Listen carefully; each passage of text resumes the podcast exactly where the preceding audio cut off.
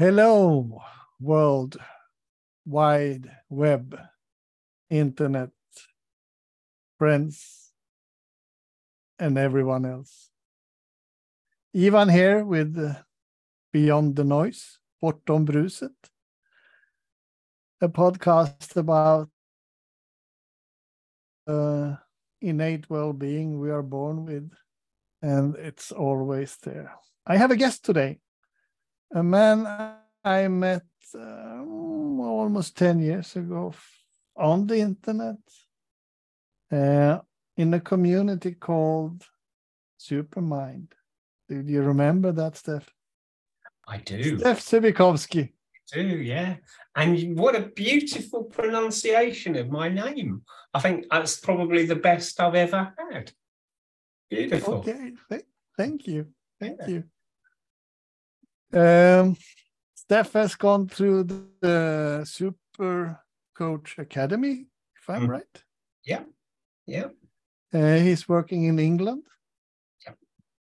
And uh, all over the world, mm-hmm. which is possible today with the internet and Zoom. Yeah. Uh, yeah. It, it's amazing what's happened during the, these three years of pandemic actually absolutely um, everybody have learned to almost everybody have learned to connect mm-hmm. through a screen and this amazing application Zoom is just wonderful it's certainly today my life yeah Yes. Today we are going to talk about beyond the noise, bortom bruset. The innate well-being we are born with. And uh, two days ago, I heard Michael Neill talking about uh, Sydney Banks' epiphany 50 years ago when he heard a, a fellow man on a workshop about relationships. His wife was there with him, and this psychiatrist was there with his wife. And they were telling each other how insecure they were. And that psychologist told Sydney, you're not insecure. You only think you are. And that's turned the life around for Sid. And it has turned my life around. And it has turned millions of people around these last 50 years. It all started with a feeling insecurity. And beyond that feeling, we have this innate well being, always available.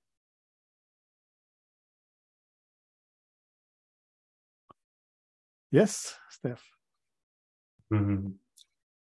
Yeah, I I um I came across the three principles. Yeah, probably about eleven years ago. And I remember having um, having an insight. I, I, I, I came to it via Michael Neill's book, The Inside Out Revolution.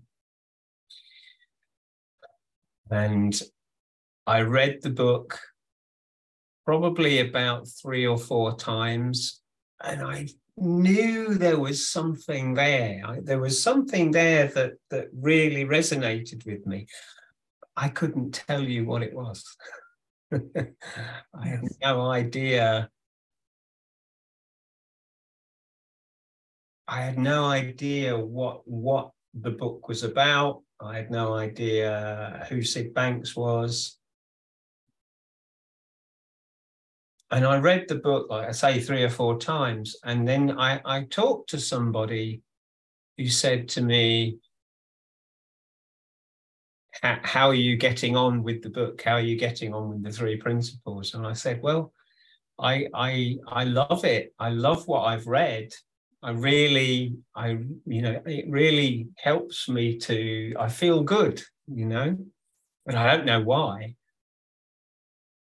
And this this friend said, "Are you trying to compare it to other things that you've done?" Because I trained in NLP and uh, and CBT and and all sorts of uh, all sorts of psychological strategies and techniques.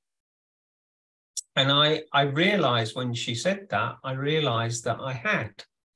I've been trying to to to to figure out principles by trying to see what I recognized in in in other things, you know, totally intellectual, you know, totally with my head.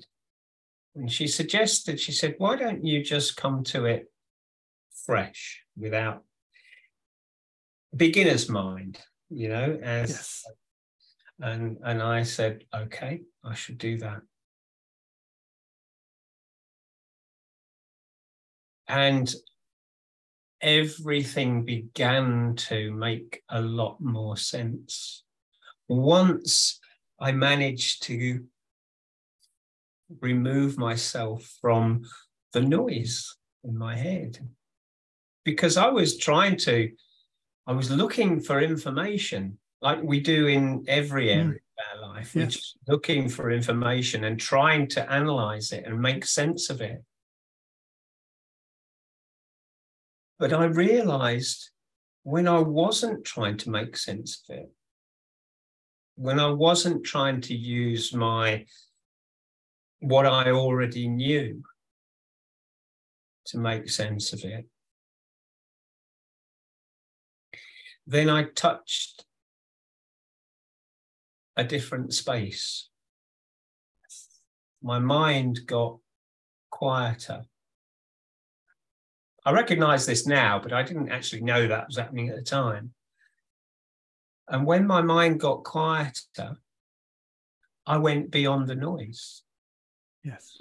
And and then in that deeper part of, of us, that deeper dimension of who we are, the, the, the words were fresh and new. And I began to see things in the book, even though I'd read it so many times, that I hadn't seen before. Things were were landing with me um, that that I, I just hadn't recognized. Yes. So I began to talk with people about it. And I began talking with Michael Neill, who wrote the book. And I I remember when I came to the principles, I, I, I was very anxious. I was a very insecure person. I I'd spent my life feeling like I was pushing against the tide and I wasn't getting anywhere. You know, it, it, I would go days with with with anxiety and depression and and I remember at one point some years before I, I, I actually went to a therapist and I said you know, I said, I, I, I, I think I have low self-esteem or, you know, and, and, and I feel very lacking in confidence. And this therapist said, well, let me see. So low confidence you know that's about that that's probably about six months worth of therapy there. But but but low self-esteem oh i i can't tell you how long it's going to take to fix that you know? Yeah and so when i came across the principles i remember having a a moment of insight where I saw for, for, a, for, a, for a moment, I saw that my the idea that I had of me having low self-esteem, you know, me having that feeling of not being good enough for most of my life, I got to see that that might just possibly be a thought. I got to see that it was it really wasn't who I who I was. You know, I thought that I was a person who had low self-esteem and was not worthy, not good enough. And when I began to see, like Sid saw his his insight about insecurity. I mean, I didn't see it on the level that he saw it, nowhere near. But I just had a moment where I began to question where where my beliefs about my my low self-esteem were coming from. And I tell you, Ivan, in that moment, it felt like the biggest weight in the world had been lifted off my shoulders. You know, I used to believe that I, I couldn't, you know, I couldn't apply for that job because I wouldn't be good enough. I couldn't go to that party because there were so many people there and I was afraid of people. I couldn't ask that girl out, you know, because I wouldn't be good enough for her. All of a sudden, that that feeling just kind of lifted, and I began to see.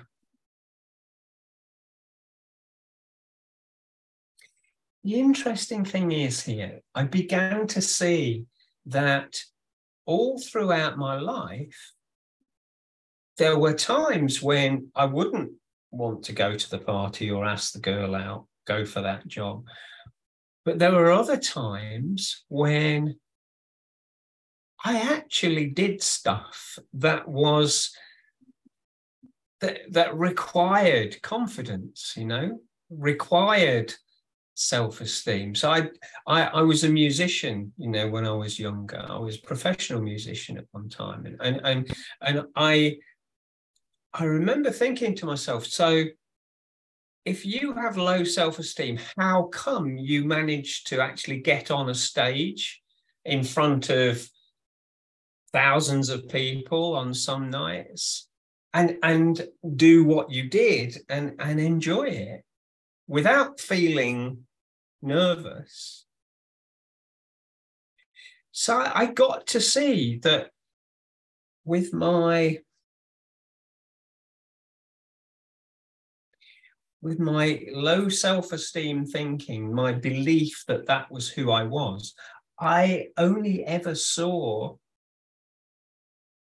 the times when I was feeling a lack of confidence and not good enough. I, I, I didn't see the times when I was. My my my my idea of myself wouldn't allow me to acknowledge that you know I can sometimes be quite confident that was a really interesting thing for me because I got to see that we have we have a bias when we look out into the world and we have a belief about ourselves when we have a, a conditioning either self conditioning or life conditioning we only see what we think and what we believe.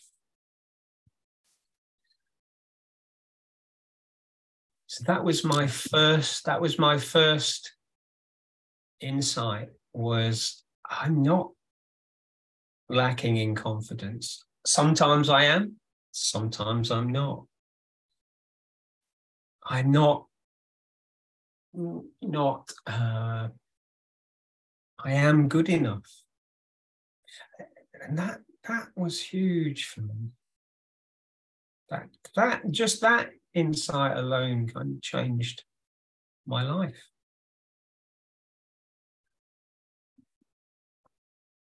I, I yes, five, five, five. I've been there. I wasn't a musician, I was in sales. Yeah. And I remember in school, the worst things to do was to stand up in front of the class and present a, a, something. It was horrible. I was sick for fortnight before. Yeah. Yeah. So in my mind, I was worthless of presentation and then I made my living for more than 30 years doing presentations.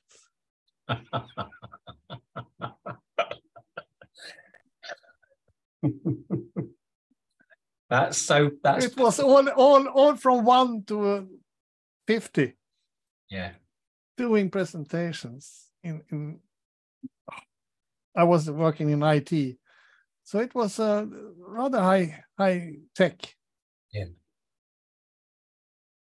but I enjoyed it. I loved it. And what is the difference? To me, it became obvious I was seeing through the illusions I made by my own thinking. Yeah. It was an illusion, everything. And when I saw through it, it vanished. Yeah. And that's the same for every one of us because we have the same internal operating system in all of us. We are functioning the same way. So it's the same. That, that's poetry. Have, yeah. yes, it is and uh, I, I I get goosebumps from your sharing. It, it's yeah, I recognize it. It's uh, you told my story. Yeah, and and I think that the mind, you know, the the the intellect, the the the the ego, whatever we want to call it, will never tell us that we're good enough. Exactly. Because it's trying to it's trying to keep us safe, you know. Yes, it's trying it's it's trying its best to make sure that we we we have to improve ourselves yeah and we can't go out of our comfort zone we can't take risks. Because our mind is is is there to keep us safe. Yeah. So i think it's probably one of the biggest most inspiring, freeing, understanding that we can have to realize that we are not that mind, that we are not that thinking, that we identify with so closely. We we think that our that what we think is a true and b is who we are. Yes. Yes, and and and throughout our our learning from child and all the way through school, we are taught to believe in the content of our thinking. Absolutely. No one is talking about what the what the power of thought really is. Exactly. Yeah. The the the fact that we think rather yes. what we think. Yeah. Yeah. And uh, maybe that's because that's the reason I'm so engaged in young kids, their mental yeah. status. Yeah. Uh, because uh, they are worth so much better. Well, I I worked in a school teaching the principles for a couple of years. Mm. And the reason I was asked to work in the school was that there was a teacher within the school who knew about the three principles, but Okay. didn't know how to introduce it into the school. So what I found was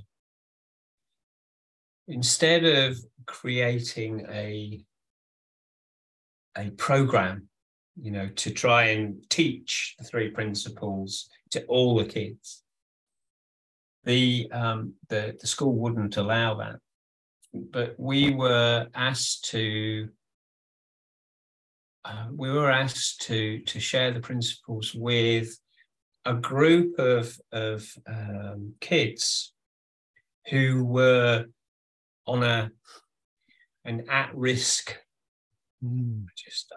So they were kids who were self harming, who were had suicidal ideation, to to kids who were who had been excluded from school because of bad behaviour. There, there was a, quite a long list.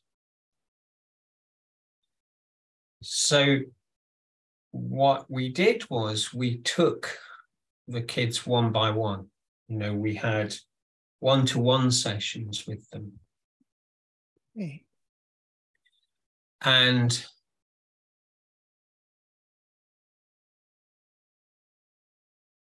I'm kind of feeling quite emotional thinking about it. When those kids began to see that they weren't they weren't what they thought about themselves Yes.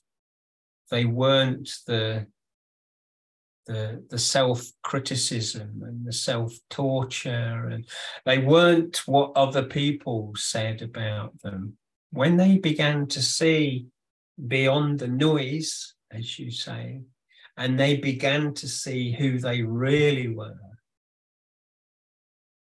they began to see that they were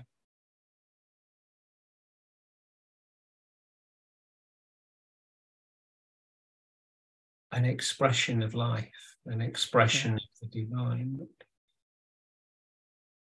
It was like it was like they'd suddenly been allowed out of jail. Mm.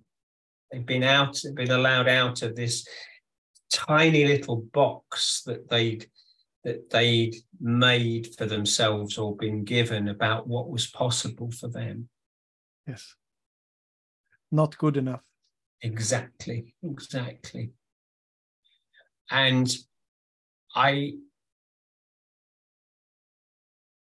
it was so, it was so, um, it was so beautiful to see how these these kids who who kind of were, had been dismissed for bad behavior and and who had been harming themselves how quickly they turned round, how Yes. They returned to school, how quickly they began to uh, make friends and and and and enjoy life. I we we we had one instance where we began doing a little a little class for the kids at lunchtime.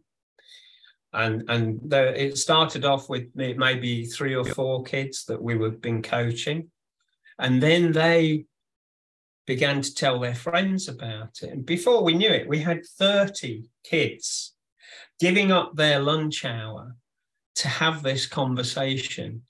All and you know the, the kids we were coaching were telling their friends what they were learning and what they were seeing. And there was such a beautiful ripple of understanding that went out through all these kids